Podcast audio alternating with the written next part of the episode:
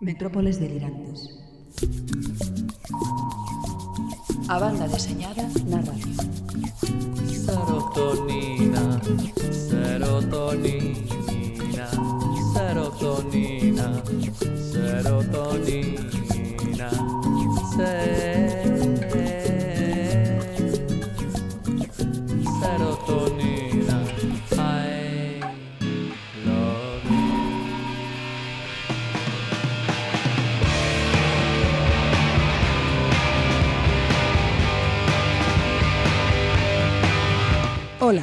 Son Nieve Rodríguez. Aquí comeza a 50ª emisión das Metrópoles Delirantes.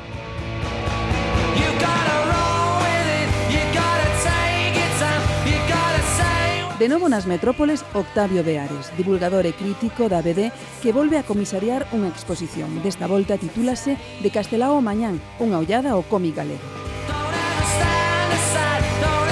O señor B retrocede no tempo ata a Argentina de Mafalda, a nena filósofa de Quino, que segue estando de actualidade nesta época de crise, recesión e imperialismo. Embarca tamén con nosco Inés Casarejos, autora de fanzines tan extraordinarios como o videoclub e tienda de fotos. Con ela daremos un paseo polos mares do fanzineando. Rematamos programa coa sección de novidades a que volta o máis mutante dos libreiros galegos, Saime Logan, Que- Quero dicir, Xaime Lis, dende a libraría Cómic de Compostela. O noso técnico Alonso de Entre Ríos xa ten a nave pronta. Partimos xa. you know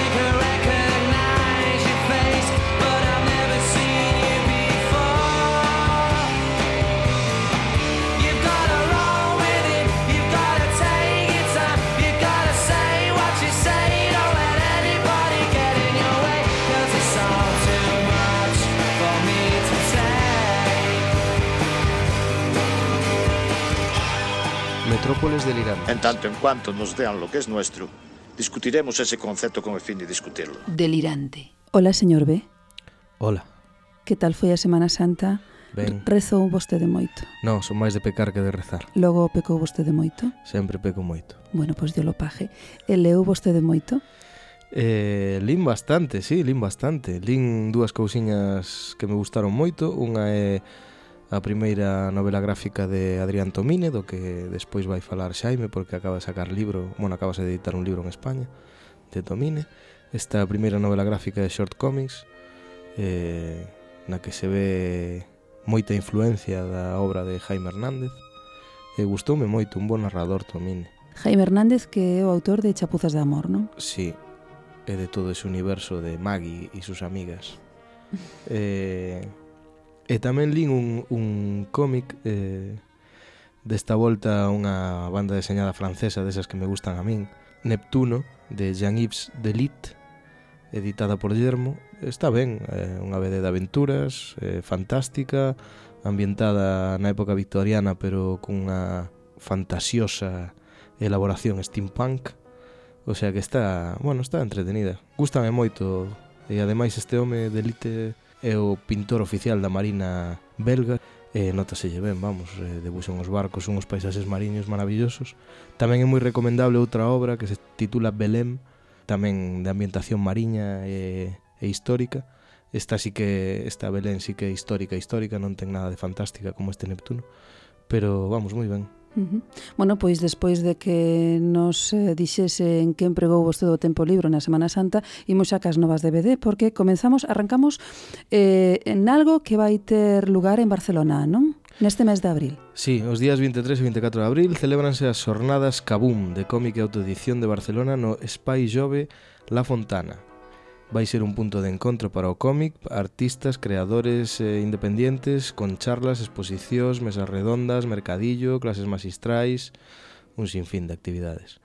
E, ademais, este ano as xornadas van coincidir co Día de San Jordi. Entón, aproveitando este feito, a organización quere reivindicar o cómic como un elemento literario máis cousa que me parece máis que necesaria. Sí, señor, non? Despois, sí, hai... despois de ver que eh, a Bos aires sí, non vai ningún des, autor de, de cómic en Galicia. As, as institucións galegas non levan a ningún autor de BD á Feira do Libro de Bos Aires. En 25 prazas non había sitio para levar a ningún autor nin editor de BD. Para outra pois, vez será. Sí, sabemos. Traballaremos a Río para que iso aconteza algún, algures, sí, non? está ben saber con quen contamos, non? É certo. Bueno, pois nada, os días 23 e 24 de abril, ese Cabum en Barcelona no Espai Jove La Fontana.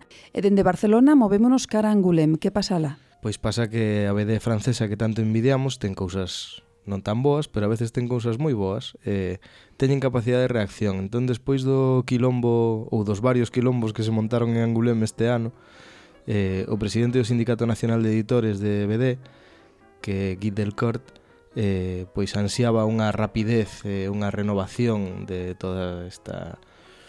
Trup. Cat... Sí, iba a decir caterva, pero... Trup. sí, da... Bueno, unha renovación dos órganos directivos e eh, directores de, do festival. Eh, bueno, estas decisións pois non tardaron en chegar, así a dirección do festival foi a parar nos ombreiros dunha muller que é Florence Cestac, que ademais é a única muller posuidora do Gran Prix de Angulem, e antigua editora de Futurópolis. Eh, a ela vaise unir na Secretaría Xeral do Gran Prix Santal Montelier. Cestac viu de anunciar que a gran exposición da vindeira edición será Creatrix Comics, unha mostra que reúne a 100 grandes autoras do cómic e que está exposta actualmente en Londres. Florence asegurou paridade en todas as partes, tanto nos xurados como en todos os procesos de preselección e remátase desta, deste xeito co período no que se soterrou toda a presencia feminina no festival eh, abandeirada por un señor chamado Fran Bondú. Uh -huh, por Fran Bondú. Aí está, remata esa esa travesía no deserto, sobre todo de cara á visibilización das mulleres, e comeza unha nova etapa en sí. Angulem. Son expeditivos os franceses. Efectivamente. Non, non, non queríades mulleres, pois... Ademais, aquí tomou a rienda a, a ministra de Cultura personalmente, non? Claro, que foi supoño, quen dixo, veña, va, vamos a espabilar que ten moito que ver con que se xa ministra de Cultura. Efectivamente, ah. non? E tamén axudada por esa reunión que tiveron os editores franceses que dixeron, eh, eh isto hai que cambiarlo, eh? Veña sí, que sí, hai está... que hai que mover isto. Está ben que se tomen as decisións rápido polo ben dun festival que é moi necesario e que ten que funcionar ben. Outra nova publicación no mercado, señor Ben, falamos desta volta de outra revista. Sí, unha nova revista DVD, eh, despois de La Resistencia, auspiciada por Dibux, que empezou o seu camiño o mes pasado, máis ou menos. Este mes vai sair á rúa a revista Voltio, editada con colaboración de Ediciones La Cúpula, coordinada por Alex Jiménez e Ana Oncina, e que no primeiro número leva unha espectacular capa de diseño de Ana Galván. A ver, a ver, que pasa? Moita sorte. Sí, moita sorte, merece no tanto Ana Oncina, que a tivemos xa nas metrópoles, como, como a xente da cúpula, que son maravillosos. Pois a ver como vai esa iniciativa e a ver se hai espacio para dúas publicacións de cómic, porque parece que neste estado somos de, de todo ou nada. Ou, ou sí. ou ben todo de repente ou sí. pasamos anos pasamos, de sequía. Pasamos anos sin unha revista. Eh, Efectivamente, eh, sí. E agora parece que veñen todas xo. Pois pues moita sorte, moita sorte para todas elas e que perduren para goce dos nosos sentidos. E xa para rematares ou quase rematares unha moi boa nova tamén, non unha, para Galiza. Sí, unha moi boa nova que ten que ver co país, que parece ser que desta sí que vai despois de un par de anos de parón o Concello de Cangas do Morrazo vende anunciar eh, ademais dun concurso de BD para xóvenes que, que se acaba de poñer en marcha, pois vende, veñen de anunciar que este ano si sí vai haber Salón do Cómic en, en, na vila, en Cangas do Morrazo, e que vai ser do 18 ao 24 de xullo. A ver, pois moitos parabéns tamén por reactivar esa iniciativa, iniciativas que fan tanta falla para a difusión da banda deseñada na Galiza. Sí. Bueno, e xa para rematar, temos que contarlle unhas cousas, unha cousa aos nosos ouvintes, non? Quimos poñer en marcha un sorteo, non? Xa aproveitando que saiu o cuarto número do Finegans, eh, señor sí. B? Eh, aproveitando que cumprimos 50 emisións das metrópoles tamén, delirantes, tamén. grazas a todos por estar aí, os que estades, eh, e os que non están, pois mala suerte de non 50 estar. 50 programas. 50 programas, máis eh? de dous anos, bueno, que se sean outros 50. sí, programas. Eh, sí, eh, E nada, eu creo que unha das cousas máis placenteras do mundo eh, é ler, e probablemente a segunda cousa máis placentera do mundo é agasallar un libro, non? Sí. Polo tanto, vamos a agasallar uns, uns fanzines, un pack de fanzines do Finegans, eh, bueno, pois xa, xa nas redes sociais iremos poñendo como facerse con eles. Bueno, pois atentos aí o, o Twitter sobre, sobre todo, arroba metrópolesd, que iremos dando todas as pistas necesarias para acceder a ese lote, lotaso, de fancinés do Finegans. Comezamos, señor B. Soñamos con vacas, soñamos con en garaxes herméticas, en garaxes herméticas, en garaxes herméticos. Delirante. No eido da divulgación da banda deseñada o nome de Octavio Beares non resulta descoñecido, máis ben o contrario, xa que a máis de ter unha sección fixa no Faro de Vigo, ser co-director da revista Cuco e ter o seu propio blog e serie de viñetas, tamén emprega o seu tempo libre a comisariar exposicións. Xa o tiveramos nas metrópoles falando daquela que argallera no Museo de Pontevedra do cómic a novela gráfica, a banda deseñada en España España no século XXI. E hoxe, case que dous anos despois, está de volta nas metrópoles para falarnos dunha nova oferta expositiva na Galiza, de Castelao a O Mañán, unha ollada ao cómic galego. Octavio, benvido de novo. Hola, que tal, Nieves? Que tal, Octavio? Bueno, eu dixen aquí que dous anos despois volves ás metrópoles. Non, xa polo medio estiveches máis veces ás ah, metrópoles. Vivemos de charleta, sí, sí con pero, de cuco e efectivamente, tal, pero non con exposicións. Claro. Pero non con exposicións. Bueno, eh, imos falar dela. De Castelao o Mañán, unha ollada ao cómic galego. Mm. Ven de ser eh, inaugurada e nada no Porriño. Quen respalda esta iniciativa? Como xorde a idea e que é o que poderemos gozar nela? Cal é o seu contido? Pois pues mira, eh, o o asunto desta exposición está no marco das, eh, das actuacións que a Diputación de Pontevedra vai ter no ano Castelao.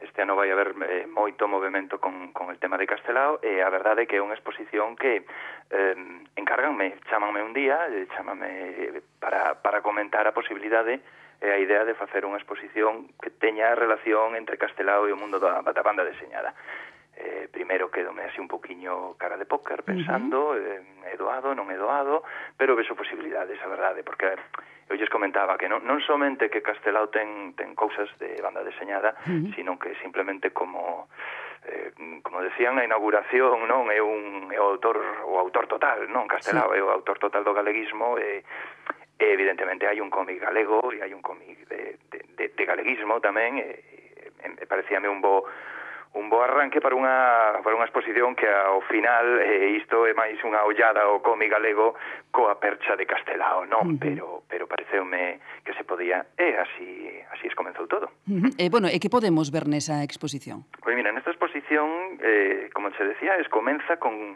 con cousas de Castelao, porque Castelao ten algunhas mostras de banda deseñada.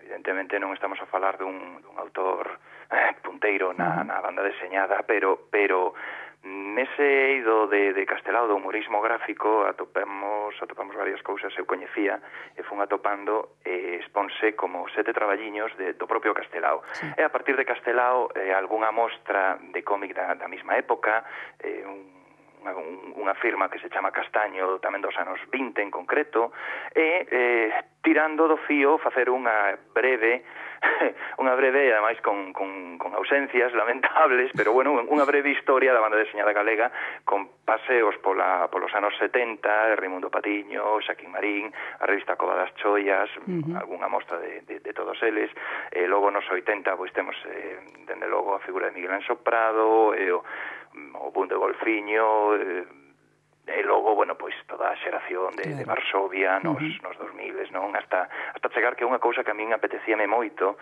eh, colocar na mesma exposición e todo no mesmo plano a as novísimas tendencias, hai xente como Julia Huete, Los Bravú, sí, non? Eh, sí, compartindo sí, espacio sí. con, con firmas clásicas como pode ser un Castelao, uh -huh. o, clásicos da nosa banda deseñada, non? Como xa te, xa te dixera Miguel Anxo Prado. Ou, Ese, ou Xaquín Marín, non? Que para min, para min é un dos grandes esquecidos um, nesta época da, da banda deseñada, Xaquín Marín, non? O que representou ese home nos, na década dos 70. É moi importante, é sí. o, case o escomenzo, como que di, claro. ou sen case, o, sea, o escomenzo uh -huh. do, do cómic galego nos anos 70, mesmo que certo que hai cómic galego antes, e incluso no século XIX, pero o, o, o boom, o boom deste cómic con autoconciencia, eu penso que, que, que a raíz está nel, nel sí. Raimundo, pero a circunstancia que quen de verdad publica eh, Marín. E ademais é que é unha firme combustible, porque de pronto te colles, mm, bueno, estou falando de memoria, pero creo que colles golfiños no século XXI, eh, se non é golfiño, pois poden ser en, en vez de banda, o sea, que, que é un home que sigue facendo, sí. ademais do seu humor gráfico, pero que se, é tan coñecido, sigue facendo cousas de, de cómic, ademais é un dos primeiros, eu comentaba na, outro día na, na presentación da charla, é, eu penso que un dos primeiros en Galiza que, que, nos, que nos ofrece un personaje conocido, ¿no? Como uh -huh. Gaspariño, por exemplo. Moi importante, sí. Sí, señor. Bueno, em... Eh, na, na exposición eh, imos ver reproduccións, non? Neste sí. caso non vai haber eh, orixinais. Non hai orixinais. Por de reproduccións, pois basicamente a idea de, bueno, porque mm, un pouco pactado e sobre todo porque é unha exposición itinerante. Ajá. Entonces, de cara a unha itinerancia, pensaron eh, dende Deputación eh, que o máis doado, eh, mesmo ademais sendo un, un arte de reproducción, aínda que min encantame non o, o, o dispoñer de, de material original, pois bueno, neste caso sendo unha exposición itinerante que vai ter eh, catro paradas, pois pois pareceu máis máis sinxelo e de feito máis máis rápido contactar con autores, contactar con institucións, a quen teño que agradecer, Museo do Humor de Fene, bueno, hai hai bastantes institucións que prestaron material, non? Pois pedir uns, uns vos arquivos e reproducilos. Bueno, eh, xa o fío desto. A min unha das características que me gustan desta exposición que estás comisariando é o seu carácter, como acabas de dicir, itinerante.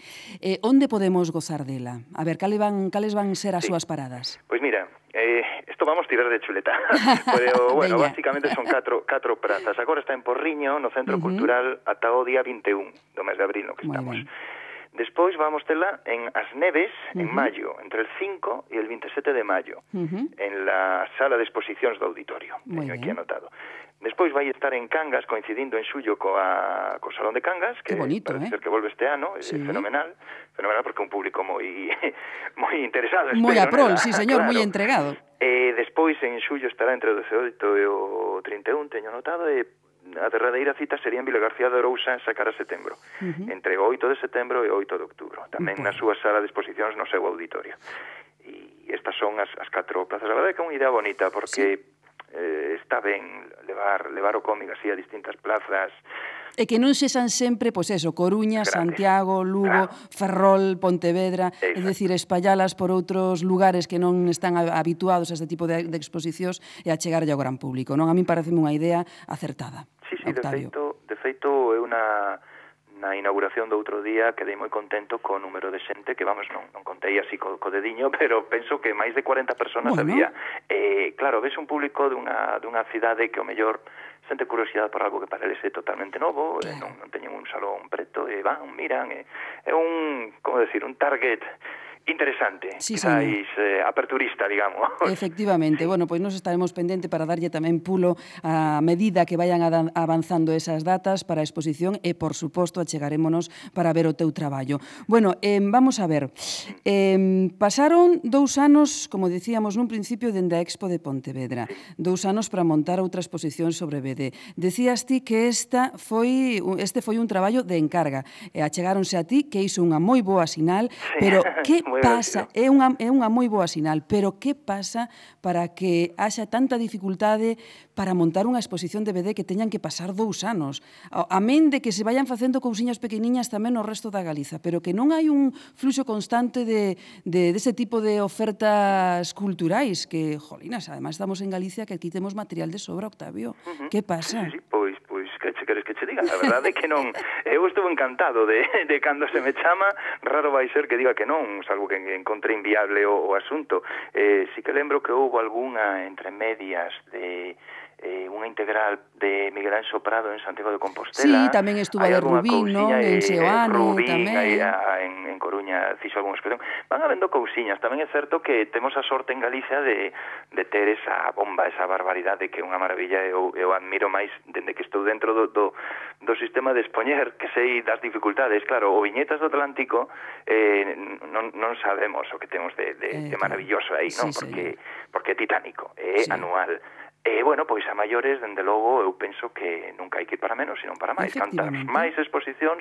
Ademais, unha cousa que non te comentaba desta que penso que é moi a bonito, ver, e non sei se é rupturista ou se é a primeira vez ou, ou, ou é a última, pero eh, nesta exposición colabora eh, xoga a Asociación de a Organización de Sordos de Galiza, Ajá. de modo que, que ti cando entras na exposición, xa mesmo no cartel, pero tamén no primeiro panel, hai un, como se chama, un QR destes que enganchas sí. co móvil, si tes o programa, e hai unha guía audición con, eh, como se chama, sinais destas de signogramas, eh, para, para, que a, para que a xente e o oído dos, dos sordomudos pois tamén podan disfrutar do que sería unha, unha visita guiada, digamos, non? Pareceme maravilloso e interesante. Fabuloso, esa, fabuloso, parece fabuloso. unha idea boísima. Pois preciosa. sí. De feito, estaban ali a organización, estaban eh, traducíndeme con signos ao mesmo tempo que usa, fantástico. Que bonito. E mira, pois todas estas cousas, e se se achegan ademais a, a través da banda deseñada, pois pois genial, non? O que distí, que cantas máis, que ojalá, ojalá esta... Bueno, eu vexo, eu vexo que as autoridades realmente cando propón e, e logo están vendo os resultados quedan contentos, quedan sí, ¿no? contentos con o número da afluencia e, no meu caso, dende logo a de, a de Pontevedra eh, uh, constan, constan de que quedaran contentos porque foi, foi moita xente a vela porque hai sí, señor. xente que nos gusta e polo de pronto, a ver que pasa, a ver se vai moita xente a esta, espero que sí, nas catro plazas, pero dende logo eh, eu vin a, a todas as partes implicadas moi contentas na, na inauguración. Moi... Pois que, que, que non se quede aquí, que non se quede aquí e que sigamos facendo cousas. Octavio, xa para rematar, eh, falando de outro orden de cousas, como vai o cuco? Como vai o cuco? Seguides que a teima de manter esa promesa tácita de dous por ano, podedes adiantar algo? Que, que pasa aí? Eh, Sí, sí, sí, a promesa está, eh, seguimos nela, eh, estamos empezando, comenzando cos, cos contidos, pero sobre todo non podo decir nada, pero vamos mover outro tipo de cousas. Isto é un hype que se chama. eh, eh pronto pronto vamos dar noticias, eh, non non só respecto ao, ao próximo número, sino, bueno, cousiñas, movimentos, sempre Gerardo e máis eu sempre estamos coa cabeza dándolle voltas a cousas, cousas que se poden mellorar, cousas que poderíamos facer, etc. E penso que, que vos vamos sorprender en breve. Aí, que ben. Pero yo deixamos, eh? Que ben, non, pues, non quero decir máis. Bueno, Octavio, moitísimas gracias por ese hype eh, que nos acabas de ofrecer, Ay, entón estaremos estaremos pendentes.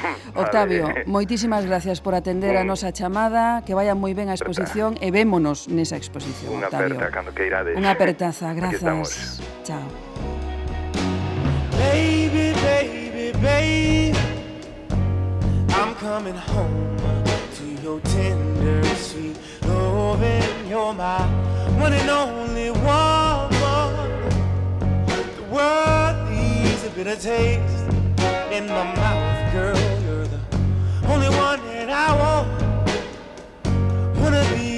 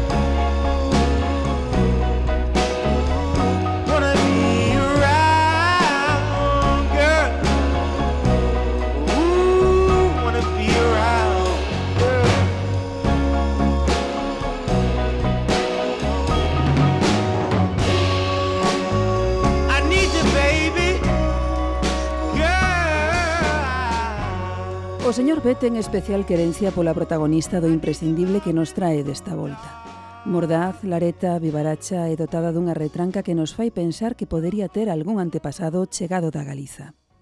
Mafalda é inconformista, irreverente e cun xeito de pensar intelixente e certero. Estas tiras, creadas por Joaquín Salvador Lavado Tejón, por todos coñecido como Quino, elevaron a súa protagonista á categoría de icona mundial.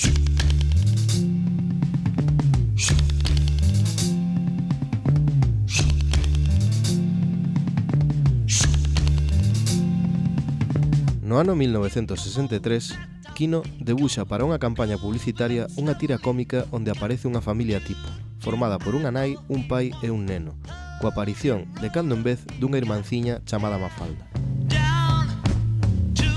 A campaña non se fixo, pero o 29 de setembro do ano 64, a tira Mafalda comeza a ser publicada na revista semanal Primera. Inicialmente aparecen como personaxes Mafalda e o seu pai. Despois de pasar polo diario El Mundo e polo semanario Siete Días Ilustrados, e tras sermos testemunhas da aparición progresiva de todos os personaxes que acompañaron a Mafalda na súa existencia, Quino decide rematar Catira o 25 de xuño de 1973. Mafalda é unha rapaza preocupada por temas como a paz e os dereitos humanos, admira os Beatles e o pasar o tolo. E as cousas que máis odia son a violencia, que lle pregunten se quere máis a papá ou a mamá e, por suposto, a sopa.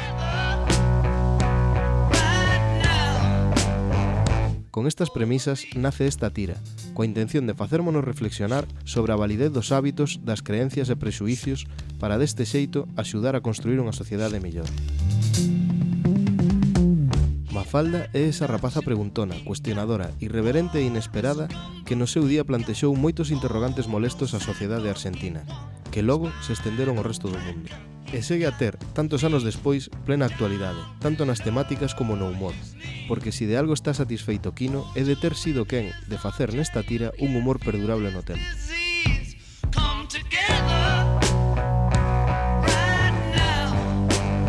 En canto ás personaxes, Kino fai gala de ser un gran caricaturista, xa que soubo escoller as mellores situacións para darlles vida e mantelos actuais durante máis de 50 anos. Cada personaxe ten unha característica especial que fai que cada historieta sexa única.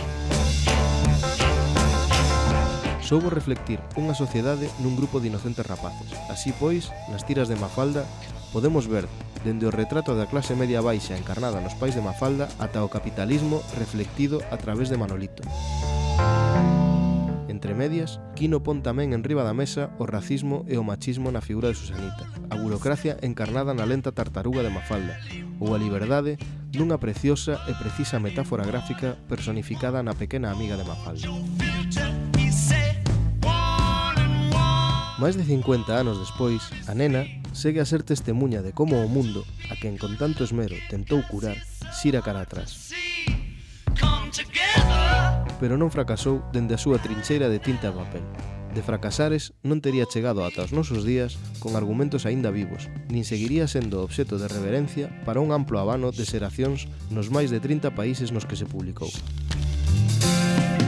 Motivos estes máis que suficientes para tela como imprescindible nos nosos andeiros.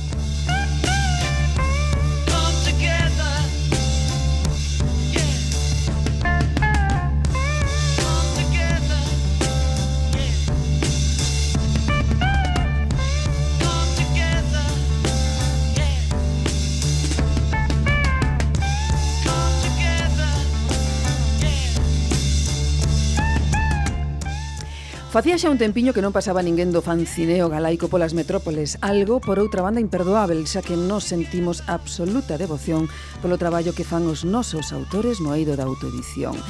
E xa hai tempo que tiñamos ganas de falar coa nosa invitada que é unha muller desta volta que se chama Inés Casarejos. Hola Inés. Hola. Que tal? Moi ben. Moi ben. Bueno, Inés Casarejos, para todos aqueles que non a coñezan, eh, tedes que empezar a poñer vos o día, eh, porque ten unha obra en canto a fanzines e autoedición absolutamente exquisita, pero temos que dicir que ela é doutora en Belas Artes.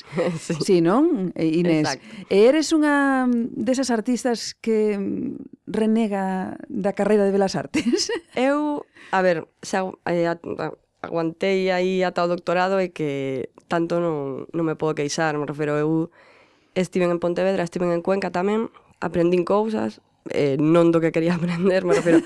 en canto a técnica e todas esas cousas non aprendes absolutamente nada, aprendes o típico que se di dos compañeiros, e das compañeiras, bla, bla. Eh, pero tivemos a un profesor moi bo, en plan, estás a Maniego que como o que adorábamos en Moraza, que había aí un amorodio, e non recordo máis. Non, en Cuenca tiven algún máis, e, e a tesea fixen aquí en Pontevedra, o sea, en plan, hai cosas horribles, e podería ser mellorar, pero bueno, eu non hubera, bueno, non hubera estudiado outra cousa tampouco. Bueno, pois aí está.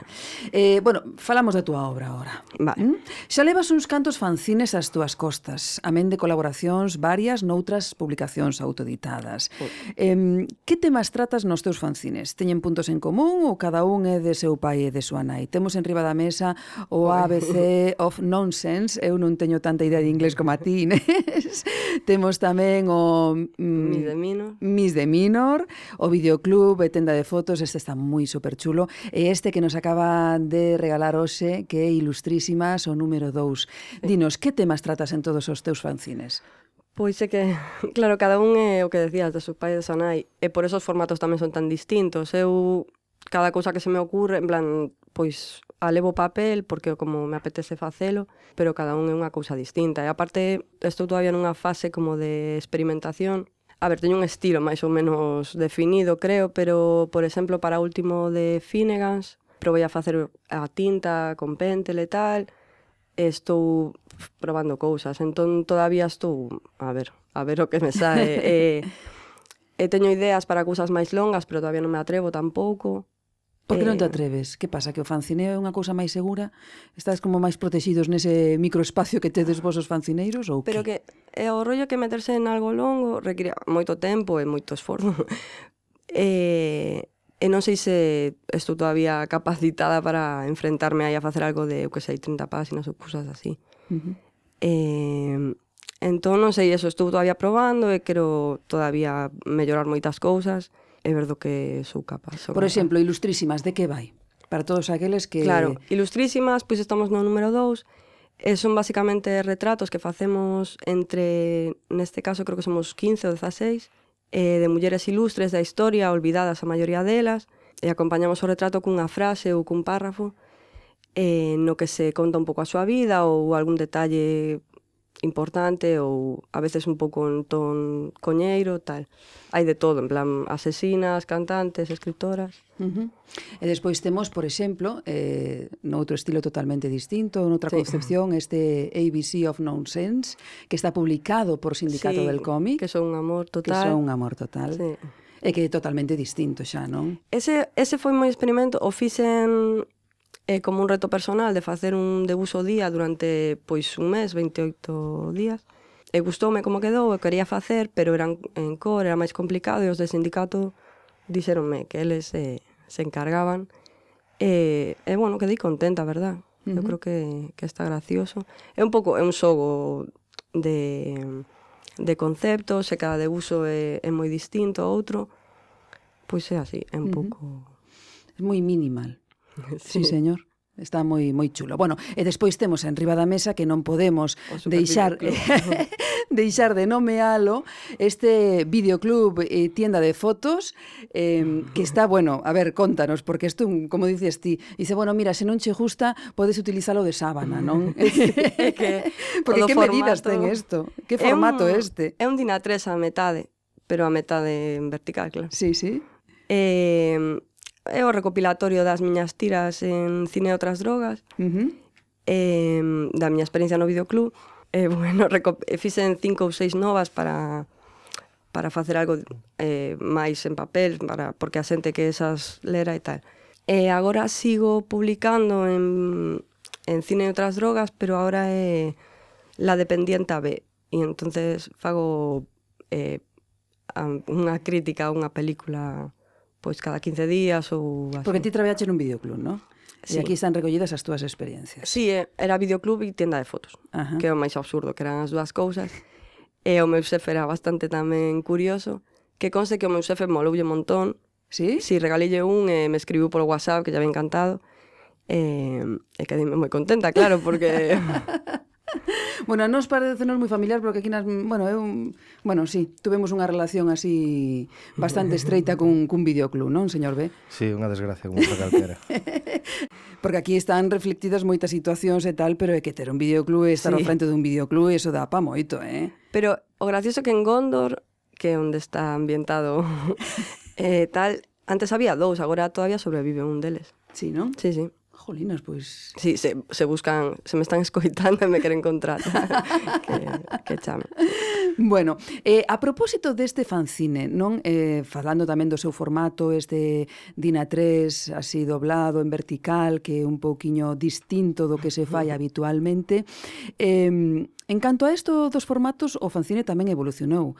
Deu en se converter nun obxeto artístico. Existe o fanzine obxecto? Eu creo que sí eu creo que algunhas edicións agora mismo, o que comentabas antes de Ilustrísima, que era xa máis que un fanzine, sí, sí. están os de Fosfatina, que a ver as edicións que fan, algunhas son para enmarcar, en plan, chamate a atención xa de lonxe, son preciosos, e agora estás a probar moitas cousas, e coa risografía outra vez, e os que se poden permitir aí as tintas doradas, ultramolonas. E cal era, creo que era de, de fosfatina tamén. Ah, non me acordo o nome Un que é negro e dourado, é moi bonito, non me acordo. Eh, o de Perlas Begoña del... Ah, sí, Begoña, Perlas del eso. Perlas del infierno. Perlas del infierno de ah. Begoña García Len, sí. Eso non me saía o nome. Eh, ese é preciosísimo. Sí, sí, plan, sí. Eu creo que eu teño unha idea, a min encantan os obxetos, a, min, a miña tese foi sobre obxeto kits. Eh, eu teño unha idea agora, en plan, estou a ver que podo facer de mezclar justamente o a idea do obxecto e do fanzine e crear aí unha blancomic, fanzine, obxectos e Facer tal. unha simbiose aí. Sí, pero estou ainda a ver.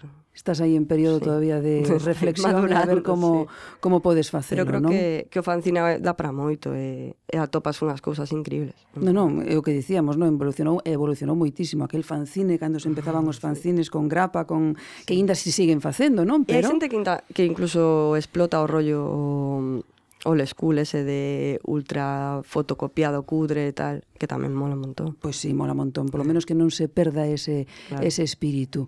Bueno, eh falamos agora da creación por internet, non podemos tampouco escapar a eso, as as sí, sí. os novos tempos que que están xa aquí dos webcomics, ti tes unha presencia moi activa neste sentido, publicas, mm. por exemplo, en cine e outras drogas.com, mm. na revista TikTok o teu Teen Wolf. A presencia de historietas na rede é cada vez máis importante. Para vos, os máis novos, supoño que isto non supón un problema, crear para ese soporto, pero que supón para os lectores? Afanse a isto? Eh, non lles costa ler en pantalla? Porque a min personalmente costame, pero vos que, que o que eh, notades? Eh... A ver, tampouco son dos máis xoves. Eh, a min algunhas cousas costame, costame lelas en no ordenador. Aparte non teño tablet ni cousa aí máis práctica. O, eu creo que a clave é adaptarse ao, ao, ao medio no que estás e hai cousas que funcionan moi ben eh, no Tumblr ou en blogs, eh, hai algúns tiña que haber traído nota os nomes. Creo que Emily Carroll ou algo así, unha sí. que fai uns webcomics preciosos uh -huh. e que os les eh, soga co, co scroll e, e vais descubrindo as viñetas e eso o podes ler, eu non teño un problema por lelo na pantalla, pero se queres manter o formato clásico, coas viñetas típicas e cos bocadillos e tal, como que te costa máis non sei, máis esforzo ler o tal, eh, ten que ser dunha forma máis fluida, o tipo de atención que prestas tamén nunha pantalla, o tempo que lle adicas, ten que haber, non sei, ten que cambiar, non pode ser o mesmo no mesmo que papel. Uh -huh. Pero pero creo que eso é o bo, que podes añadir cousas, podes añadir GIFs, podes añadir eh, eso, un montón de efectos e cousas e aproveitar o que te ofrece o medio, simplemente. Pois sí. E a hora de abordar o traballo, facedes uso de todas as novas ferramentas que ofrece a tecnoloxía ou no teu caso estás aínda máis atado ao papel impreso e ao pentel? Eu son máis de máis de pap... máis que nada porque non teño moita idea do A ver, o Photoshop se, o sei utilizalo, pero a ver, non non sei todo o que ofrece realmente, non vou a negar, en plan, eu son de boli e papel e incluso o pente lo uso moi pouco, son de rotring e, e tal. Mm. Eu creo que eu creo que non hai ninguén que sepa todo o que ofrece o, o Photoshop. No, nin, no. nin os que inventaron. Nin os que inventaron, non? bueno, eu non teño nin idea, teño que dicilo xa. Vostede está un poquinho máis posto nese nese asunto e si sí que lle escoitei algunha vez decir que isto é ine, ine, inabarcable, non? Sí, eu creo que sí. Bueno, eh, Inés, eh, a todos aqueles que nos están escoitando e que queiran saber algo máis do teu traballo, onde te podemos atopar eh, nas redes? Tumblr de se chama videoclub e tienda de fotos tumblr .tumblr.com Maravillame esta muller, de verdad, encántame. É que non, non me acordo exactamente, eu non o teño que teclear, pero si sí, é videoclub e tienda de fotos. Eso, eso é como lembrarse do, do teu propio teléfono, Efectivamente, non, non, non me chamo. Non me chamo, por lo tanto non, non o sei. E o blog é eh, icasarejos.blogspot.com Bueno, e tamén ten obra, como decíamos, en TikTok, que tamén unha páxina sí, moi acaída para todos aqueles que queiran en publicar as súas, as súas cousas. Sí, sí señor, poñere, está. Poñeremos poñeremos na, na entrada do blog eh, onde claro. colguemos o programa, poñeremos os enlaces, porque así tampouco hai que teclealos. Efectivamente, solamente darlle clic e xa está. Bueno, Inés, eh, o tempo pasa voando. Agradecemosche moitísimo que pasaras polas metrópoles para falarnos do teu traballo. No, moitas de, gracias de, a vos. No, de todo o que faz. Eh, desexamoste moi, desexamoste moita sorte porque sei que marchas para, para sí. as illas, pero non as Canarias. Non, máis frías. A ver que tal. Eh, Xa contarei por, por Twitter. e por- Vas para London, non? Sí, para lá vamos a ver Queremos que un pasa. fanzine de... Efectivamente. Eh, a miña comprei unha libreta para, ah, para ah, sí? facerme aí un diario de viaxe ou algo así. Bueno, quen sabe se da túa viaxe, da túa experiencia non saia unha obra máis longa, como diste. Ah, e che apetece tamén facer eh, unha pequena novela gráfica. A ver, a ver, bueno, no. Novela no? Gráfica, Ui, que medo teñen esta xente, que medo sí, ten, sí, non? Que son ah. as... No, novela gráfica. Eu veño de ter unha conversa moi animada con José Ángel Ares. Sí? Sí, porque dixenlle que os debuxantes eran todos unhos vagos. É verdade, Inés? Sodes vagos? No. Sí. Eles din que non, pero sí que son. E aí máis se quedamos, porque estamos en pijama. ¿no? Estamos liadísimos, tal. Tengo aquí un guión. No, estoy liadísimo, tal. Pero non hai nada de trabajo.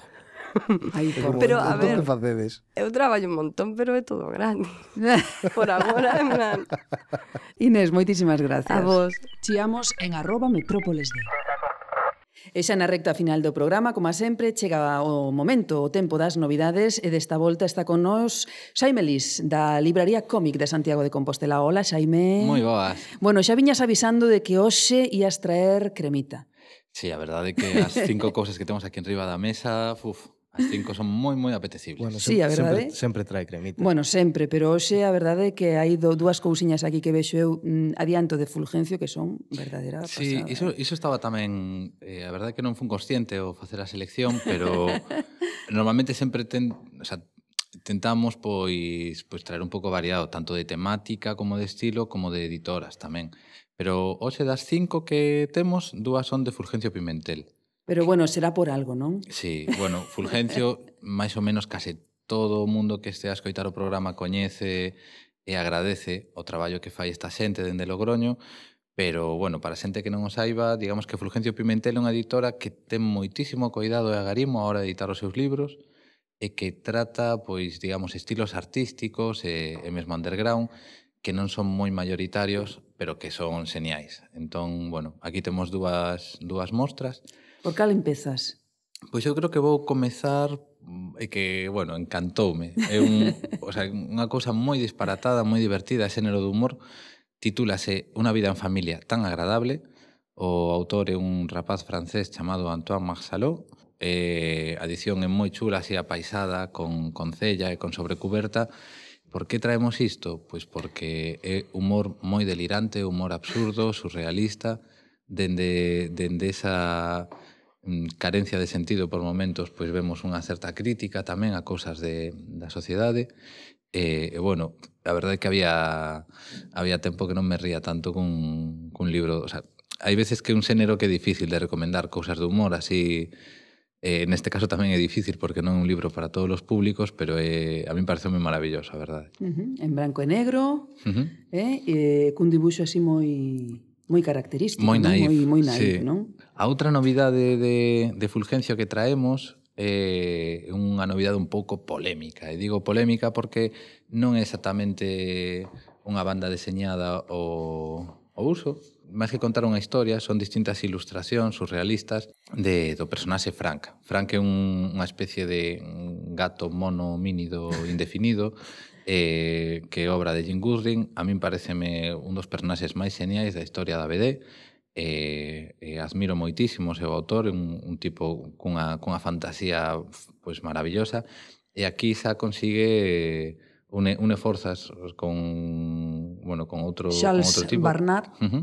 eh, xuntos construen un libro en, en 3D, que ademais trae aquí ao final nesta maravillosa edición de Fulgencio Pimentel. As súas gafiñas. Unhas gafas moi psicodélicas. Moi psicodélicas. Entón, bueno, estamos falando de, de unha temática, iso, xa de por sí psicotrópica, que coa, coa 3D pois gaña aínda aínda máis. E a edición máis. É, é maravillosa tamén. Bueno, solamente Fulgencio podería atreverse a facer unha cousiña destas, eh? Sí, eu... Porque como diste non son para todos os públicos. Non, sempre... Eu cando, cando apareceu esta editora, Eh, a verdade é que foi unha, unha sorpresa moi grande para, para todo o mundo, creo, de, de ostras, que están sacando cousas interesantísimas, cunhas edicións que son incribles, Eh, entón, bueno, o único problema é que iso poida ter unha subsistencia económica. Sí. Digo, é que hai veces que diste, joder, esta xente está editando cousas del uso, pero sabes que, que, que son son cousas que non se van a vender, sabes? non é Naruto, non é non é un cómic de Spiderman ou Dragon Ball ou así.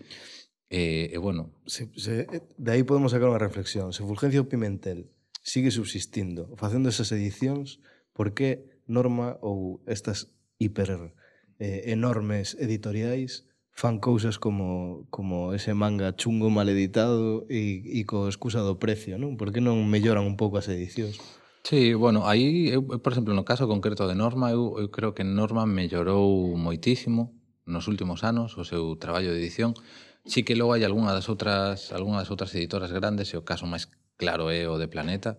Foi unha sempre foi unha editora moi grande de respecto ao TVO, pero pero non creo tampouco que tivera un especial coidado cos nin cos seus actores nin cos súas obras, pero nos últimos anos xa é escandaloso. Nos eh, Xaime e Maiseu ofrecémonos a sí. asesoralos por un, por un módico señor, por, por, un módico precio. Señor D'Agostini, aquí estamos. Eh.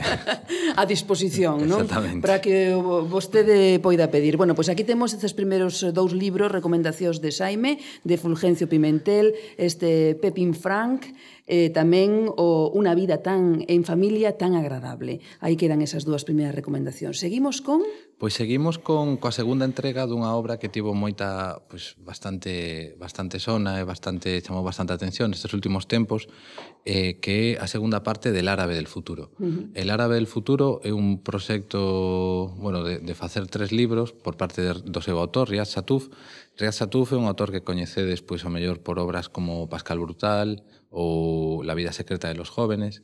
É un tipo que ten, eu definiría sobre todo que ten eh, dúas características principais. Unha que, que ten un sentido de humor moi fino, moi moi irónico, pero ao mesmo tempo, non sei, moi moi sinxelo. E logo tamén é un grandísimo observador, é un tipo que ten un gran poder de observación e que malia ser francés, a súa nai é bretona, pero seu pai é sirio.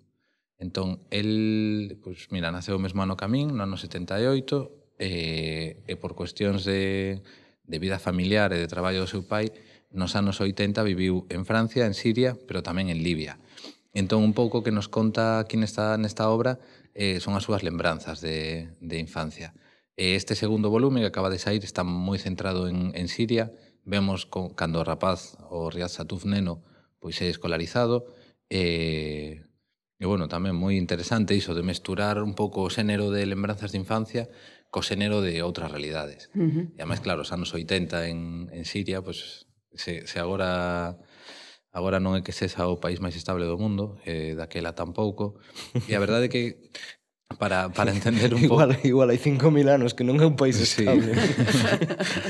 no, pero para, para entender un pouco a situación ou determinadas eh, cousas que pasan ahora. de Oriente Medio, pois pues, eh, resulta moi moi curioso. Foi, foi algo polémica esta, polo menos o primeiro, foi algo polémico porque eu lín algún artigo que, bueno, eh, Riaz Satuf, polo menos no primeiro, utiliza o humor e moita ironía, pero dalle moita cera. Sí, en realidade sí. dalle moita cera a súa familia incluso, non? Sí, o seu en pai, este, en este os segundo sirios, volume a, eu diría que máis. A esa sociedade, non? A a discriminación da muller, a como como trataban os fillos, como trataban os animais, como sí. un pouco po, ponos un pouco casi de incivilizados.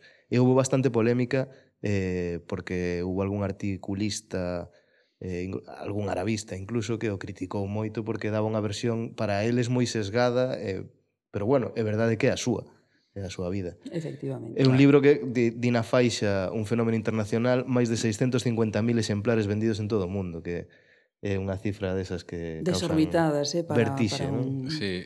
para un cómic. Aí está. Pues Riad Satuf, El árabe del futuro, editado por Salamandra Graphics. Uh -huh. Pasamos a... Pois pues pasamos a... Imos rematar con dúas obras que son de, de dos dos meus actores preferidos. E imos comezar... Bella por este libro que nos acaba de... Por Tomine. Sí, Adrián Tomine, que é un, un norteamericano de, de, bueno, de procedencia coreana. Está editado por Sapristi e titúlase Intrusos. Eh, bueno, Tomine é un, é un autor... A mí, bueno, a mí é dos meus preferidos, parece un auténtico poeta urbano, un poeta, sempre o defino como un poeta do valero existencial, eh, conta historias moi sincelas, pero moi, cosa, cunha gran profundidade, E, é un rapaz que empezou, creo que con 15 ou 16 anos, a facer o seu propio o seu propio fanzine. Agora, bueno, non sei se, se chamarlle fanzine eh, é axeitado. Eh, este fanzine chamase Optic Nerve, óptico, bueno, nervio óptico. Esa dende, dende moi novo acolleu Dragan Quarterly, que é unha, unha editora importante americana, para, para publicalo. E un tipo tamén que aquí non tanto, en, eh, no mercado español non tanto, pero en Estados Unidos tamén ten bastante toque de, de intelectual. Ten uns, así o seu aquel bohemio, é un tipo que colabora con The New Yorker e tal, pero deixando iso aparte, a min, a min parece un tipo moi interesante, moi interesante. Porque parece que estás lendo algo algo insustancial e, e, e ten moitísima chicha. E logo tamén unha cosa que me gustou moito neste Intrusos é que son seis historias distintas e se vos fixades o, o estilo gráfico que empregan cada unha delas é, é distinto. É distinto. E, e bueno, eso sempre sempre unha cousa que me parece moi atractiva o a inquedanza, non? Do, esa, mira, esa, esa historia que estás vendo agora mesmo, por exemplo, é moi curiosa, pero eh, comeza cunha cousa tan sinxela como que unha rapaza universitaria teña unha, un gran parecido físico cunha actriz porno. Ajá. Entón, claro, é unha situación que a priori parece un pouco chorras, pero unha situación sí, sí. comprometida. Non? Eh, uh -huh. Entón, bueno, vemos como a desenvolve o, o señor Tomine, e, eh, bueno, unha, unha recomendación que eu creo que lle gustará a, a moita xente. Pois pues aí está ese Adrián Tomine, dime. Digo que eu, eu coincido con Xaime, a min parece un dos grandes autores de, de BD, desa BD americana que está ao marxe dos superheróis e das grandes majors, eh, un gran narrador, é un, sí. é un é, é destes, destes autores de cómic que non, non é o mellor excelente debuxando, aínda que debuxa moi ben, uh -huh. pero non o mostra a veces, pero é un grandísimo narrador, un grandísimo contador de historias. E tamén me parece moi destacable, un pouco enlazando co que decía Xaime ao principio de Fulgencio Pimentel, que Sapristi tamén fai unha edición moi bonita, moi coidada, moi agradable e moi ben feita. Sí. E non está a un precio desorbitado, non costa 40 euros isto. Non, non, 21,90 é un precio máis que asumible. Sí, o Así que... O sea, a verdade é que as, as cinco obras que temos aquí diante teñen todas un, un tamaño pues, semellante e un prezo tamén semellante. Son Todas andan entre, entre 18 e 22 euros. Efectivamente. Bueno, e xa para rematar, eh, Xaime? Pois pues para rematar, eu, bueno, eh, a xente que, que me coñece un pouquiño ou a xente que, que pasa por comi de cando en vez sabe que, que Río Abajo, que é unha obra de Pascal Rabate, para min é o, ten o título honorífico de ser a, a obra que mellor corpo me deixou na miña vida. Rabate é un narrador excepcional tamén, é un tipo que é un tipo que lle gusta moito o costumismo, pero eh, tamén o realismo máxico, pero esa pequena masia ou esa pequena fantasía que pode haber nas pequenas cousas da vida de cada un de nós. É un tipo tamén que se sinte moi cómodo levando, levando as súas historias ao escenario rural. Neste caso concreto temos eh, unha obra titulada Un gusano en la fruta. É unha obra que ten case 20 anos, editouse no ano 97, antes de, da obra que lle deu a, a coñecer no mercado español, que era Ibicus. E, bueno, permanecía inédita eh, e parece unha auténtica maravilla. É unha historia en branco e negro ambientada nunha, eso, nunha localidade pequena do centro de Francia ata onde chega un, un cura é o seu primeiro destino como sacerdote e ali pois bueno, vai vaise ver metido pois en leas entre familias e bueno, o que a bueno, entón sería como unha mestura de, de thriller, de xénero negro con con costumismo e bueno, co, coa ironía e, co, e tamén coa, coa observación que ten Rabaté. Un pouco eh, para que vos fagades unha idea, se, se fixera un símil cinematográfico sería como unha peli de Don Camilo, pero que, que deixaron que rodara varias escenas a Peckinpah. Entón, Concho, sí, madre. Eh, bueno, é un, eu creo que é unha obra moi moi interesante. Jolines, é eh, interesante ese comentario que acabas de facer, eh? Para, para ir á librería e, e mercalo xa, eh? Como eh, sabes, eh? Pirata. Don Camilo Pepone a tiros. Exactamente, sí. Bueno, pois pues aí quedan esas cinco recomendacións. Señor B, quería falar vostede algo no, máis? Non, non quero falar nada máis. Non, a, ah, vostede de San Pequipa sí que lle gustou, non? Justa, moito. Bueno. Saime máis eu compartimos moitas, moitos gustos. compartimos. Eh, eh, eh, Pequimpa que un das unha das nosas debilidades. Bueno, pois pues aí queda, eh? aí queda esa recomendación de un gusano na fruta de rabaté e tamén, bueno, o Intrusos de Tomine, El árabe del futuro 2, eh, Pipín, Pipín Frank e este que a min tamén me ten unha pintaza, Una vida en familia tan agradable. Xaime, moitísimas gracias. Moitísimas gracias a vos. Eh, son unha cousiña máis. Dígame. Quería, quería mandar a miña solidariedade dende aquí a Javi, da Gata Tola, polo, pola súa mudanza. todos, todos e todas os que temos libros e, e cómics en exceso sabemos, sabemos o que iso. Non? Eh, e tamén dicir que, eh, bueno, sempre o paso moi ben escoitando as metrópoles, pero o anterior programa foi, foi estupendo. Entón, eu, eu propoño dende aquí os, os delirantes que levan estas metrópoles que se plantexen a posibilidade de, de facer algún día un especial con libreiros e libreiras.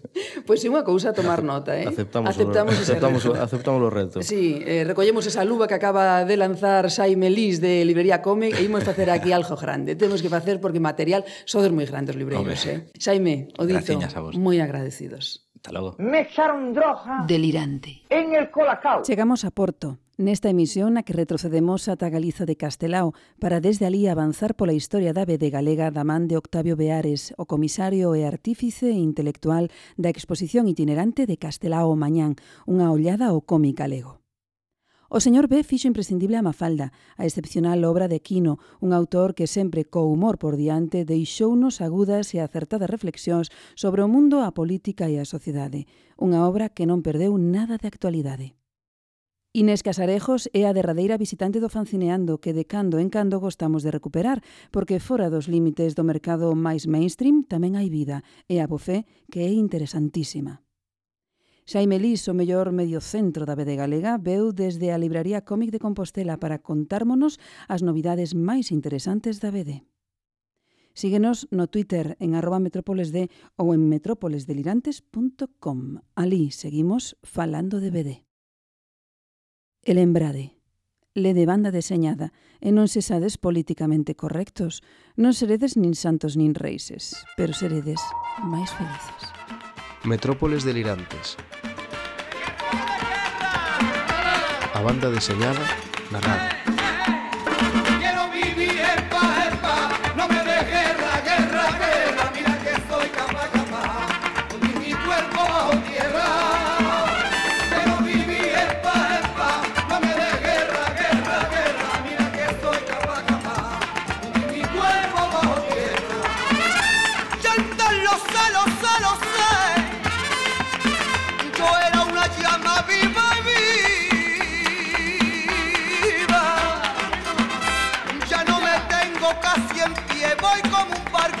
Deriva.